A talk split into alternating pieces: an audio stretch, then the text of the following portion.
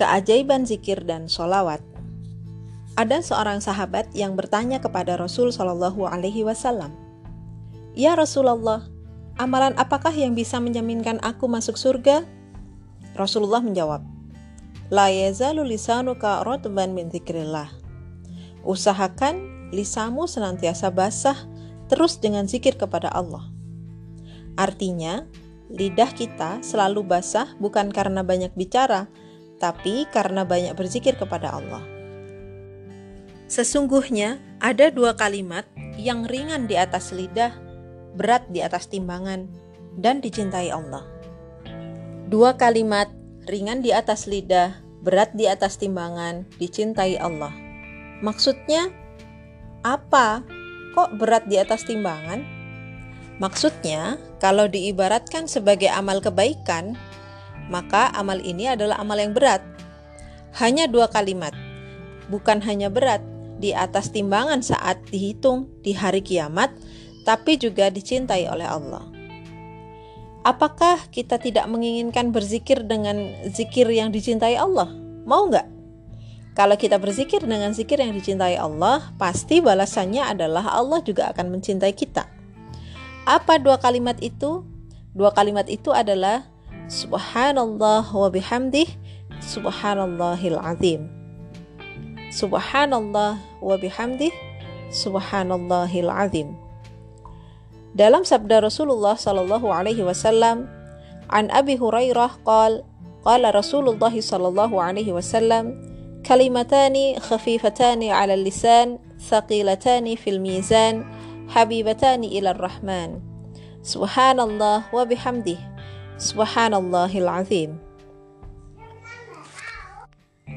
Saya punya cerita. Suatu ketika ada seorang badui di Madinah. Orang badui ini masuk Masjid Nabawi saat kami lagi duduk mengikuti majelis ilmu setelah maghrib bersama guru kami.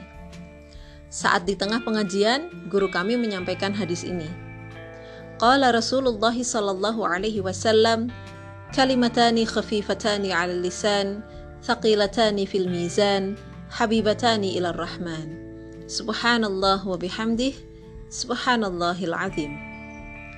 Rasulullah Shallallahu alaihi wasallam bersabda dua kalimat yang ringan di lisan namun berat di timbangan dan disukai oleh Ar-Rahman yaitu subhanallah wa bihamdih subhanallahil azim. Maha suci Allah dan segala puji baginya. Maha suci Allah lagi Maha Agung. Hadis riwayat Bukhari dan Muslim. Dari pakaiannya, kami sudah tahu bahwa orang ini adalah orang Badui, bukan orang kota. Biasanya kalau orang Badui itu tinggalnya di hutan. Lalu apa yang terjadi? Ketika di tengah pengajian, saat guru kami menyampaikan hadis Rasulullah tentang dua kalimat yang ringan di atas lidah dan berat di atas timbangan, serta dicintai oleh Allah, orang Badui ini langsung berdiri. Wahai Syekh, teriaknya. Orang-orang jadi kaget. Dengan suara yang keras, dia memanggil guru kami. Biasanya, kalau di Masjid Nabawi itu, kita dianjurkan untuk tidak mengeraskan suara karena menghormati makam dari Rasulullah Shallallahu Alaihi Wasallam. Ya Syekh, semua orang jadi kaget. Kalaupun ada pertanyaan, biasanya sehabis majelis. Ini langsung di tengah majelis dengan suara yang keras pula. Dia berteriak, Syekh, Syekh. Lalu guru kami menjawab, ada apa? Guru kami dan semua menjadi maklum karena ia adalah orang Badui. Apa ada pertanyaan? Tanya guru kami. Apa benar hadis ini dari Rasulullah Shallallahu Alaihi Wasallam? Subhanallah wa bihamdi, subhanallahil azim. Ringan di atas lidah, berat di atas timbangan dan dicintai Allah. Tanya orang Badui ini. Kata guru saya, benar. Dia pun penasaran, lalu bertanya lagi, "Apa benar ini sabda Rasulullah?" "Iya, benar," jawab guru saya. Lalu dia tanya lagi, "Betul nggak ini sabda Rasulullah?" Dijawab lagi, "Iya, betul." Begitu dia mendengar dan meyakini bahwa hadis ini adalah benar dari Rasulullah, ia pun minta izin keluar dari majelis. Kata dia, "Sampai di sini saya sudah mendapatkan pelajaran dan ilmu. Terima kasih." Lalu apa yang dia lakukan dan dia terapkan setelah mendengar hadis ini? Dia memiliki prinsip bukan hanya mengamalkan, tapi juga menyampaikan kepada orang lain. Maka, setiap bertemu dengan orang lain, dia akan berkata, "Assalamualaikum." Dua kalimat ringan di atas lidah, berat di atas timbangan, dan dicintai Allah. Subhanallah wa bihamdih, subhanallahil azim. Ketika sampai di rumahnya, lalu bertemu dengan istri dan anaknya, ia langsung berkata, Assalamualaikum. Dua kalimat ringan di atas lidah, berat di atas timbangan, dan dicintai Allah. Subhanallah wa bihamdih, subhanallahil azim. Anaknya bercerita, sebelum beliau meninggal dunia, berkumpullah semua anak dan cucunya. Begitu semua sudah berkumpul melihat beliau menghadapi sakaratul maut, tiba-tiba beliau menyampaikan, Tolong ingatlah wasiatku. Dua kalimat ringan di atas lidah, berat di atas timbangan, dan dicintai Allah. Subhanallah wa bihamdih, subhanallahil azim. Maka beliau pun meninggal dunia. Inilah kemuliaan zikir. Siapa saja yang ingin melembutkan hatinya, mensucikan jiwanya, dan ingin mendekatkan diri kepada Allah, cobalah untuk berzikir kepada Allah. Segala amal ibadah, haji, puasa, zakat, sholat, semua ujung-ujungnya adalah untuk mengingat Allah, mengagungkan Allah, Wa aqimis salata li. Dirikanlah salat untuk mengingatku. Inna salata tanha 'anil fahsya'i wal munkar. Wala dzikrullahi akbar. Salat itu mencegah kita dari berbuat fahsya dan berbuat mungkar. Dan zikir kepada Allah lebih besar. Tafsiran para ulama, zikir kepada Allah lebih besar artinya zikir di dalam sholat lebih besar daripada sholat itu sendiri. Bahkan dalam setiap amalan ibadah kita selalu membawa zikir. Diawali dengan zikir dan diakhiri dengan zikir. Ya ayyuhalladzina amanu idza nudiya lis-salati min yaumil jumu'ah. Kalau sudah dipanggil di hari Jumat, mari salat. Untuk apa? Bergerak. Segera, larilah untuk menuju zikrullah. Fas'au ila zikrillah wa dharul bay' Dzalikum khairul lakum in kuntum ta'lamun. Bersegeralah menuju zikrullah dan tinggalkan jual beli. Tinggalkan dunia, tinggalkan semua urusan. Fa idza qudiyatis salatu fantashiru fil ard wabtaghu min fadlillah. Kalau sudah melaksanakan sholat Jumat, sudah selesai melaksanakan kewajiban dan tugas kita, maka keluarlah dari masjid, dari tempat Jumatan. Lalu apa yang akan kita lakukan? Allah menyuruh kita, ayo bergerak di muka bumi. Carilah karunia Allah, carilah rezeki, carilah kemuliaan.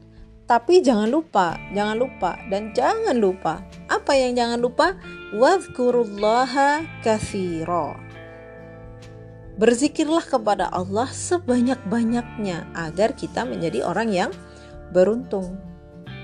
Padahal kita sudah sholat Jumat, disuruh berzikir di hari Jumat.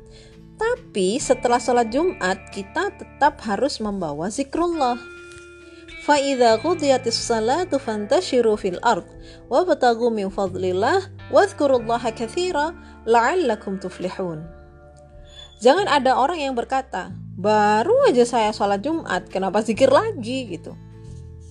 Malah Allah yang menyuruh kita berzikirlah sebanyak-banyaknya. Apalagi di hari Jumat, kita dianjurkan untuk memperbanyak membaca sholawat. Ubay bin Ka'ab radhiyallahu anhu mendapatkan nasihat dari Rasulullah Shallallahu alaihi wasallam untuk menjaga dan memperbanyak bacaan sholawat. An Ubay bin Ka'ab qal, "Qultu ya Rasulullah, ini uksirus salah alaika, fakam aj'alu laka min salati?" Faqal, "Ma syi'ta." Qala, قلت الربع. قال ما شئت. فإن زدت فهو خير لك. قلت النصف. قال ما شئت. فإن زدت فهو خير لك. قال قلت فالثلثين؟ قال ما شئت. فإن زدت فهو خير لك قلت أجعل لك الصلاة كلها قال إذا تكفى همك ويغفر لك ذنبك قال أبو عيسى هذا حديث حسن صحيح Ubay bin Ka'ab berkata, Sesungguhnya aku itu banyak membaca sholawat untukmu ya Rasul. Maka berapa bagiankah aku menggunakan waktumu untuk waktuku untuk sholawat itu? Nabi menjawab, terserah kamu. Ubay bertanya, bagaimana kalau seperempatnya wahai Rasul? Kata Rasul, boleh-boleh saja. Dan kalau kamu mau menambah, itu lebih baik lagi. Ubay bin Ka'ab bertanya lagi, Ya Rasul, kalau begitu separuh zikirku akan kuhususkan untuk bersolawat kepadamu. Kata Rasulullah, boleh, bagus. Fa'in zitta fahuwa khairul lak. Tapi kalau kamu mau nambah, itu jauh lebih baik lagi. Ubay bin Ka'ab bertanya lagi, Ya Rasulullah kalau begitu dua per tiga, aku akan khususkan bersolawat kepadamu. Rasul menjawab, bagus. Wa in zidna fahuwa khairul lak. Kalau kamu mau nambah, itu lebih baik lagi. Lalu apa kata Ubay bin Ka'ab? Ya Rasulullah, kalau begitu maka seluruh zikirku, seluruh waktuku akan aku khususkan untuk bersolawat kepadamu. Allahu Akbar. Semua doaku aku khususkan untuk bersolawat kepadamu. Lalu apa jawaban Rasulullah? Kalau benar-benar kamu melaksanakannya, maka engkau akan mendapatkan dua hal. Yang pertama, tukfahammak, maka akan dicukupkan seluruh urusanmu. Wa yughfar laka dzambuk. Yang kedua, dosamu akan diampuni. Masya Allah, tabarakat rahman. Ya. Hadis ini hadis diriwayatkan oleh Imam Tirmidzi. Itulah dua keutamaan bagi siapa saja yang selalu menjaga sholawat. Maka, jika di antara kita ada yang punya banyak masalah, atau sedang ada hajat, lalu memperbanyak bacaan sholawat, pasti Allah segera mengabulkan hajatnya. Haddathana Waki' Sufyan An Abdullah bin Muhammad bin Aqil An Tufail bin, Ab, bin Ubay bin Ka'ab An Abihi Qala rajul, Ya Rasulullah, ara'aita in ja'altu salati kullaha alaik? Qala idhan yakfika yakfiyaka Allah tabaraka wa ta'ala ma ahammaka min dunyaka wa akhiratika. Telah menceritakan kepada kami Waqi' telah menceritakan kepada kami Sufyan dari Abdullah bin Muhammad bin Aqil, dari At-Tufail bin Ubay bin Ka'ab dari ayahnya. Dia berkata, ada seorang laki-laki yang bertanya, Wahai Rasulullah, bagaimana pendapatmu jika salawatku semuanya aku tujukan kepadamu? Maka beliau menjawab, berarti Allah tabaraka wa ta'ala akan mencukupkan apa yang menjadi keinginanmu, baik masalah duniamu maupun masalah akhiratmu. Hadis riwayat Ahmad.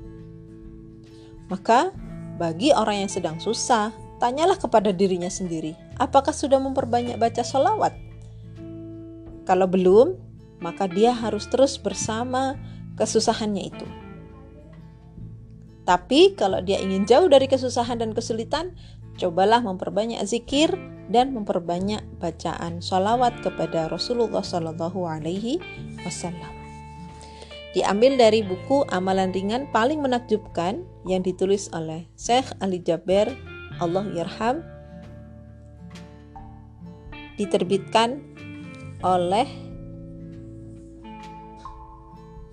penerbit Zikrul Hakim.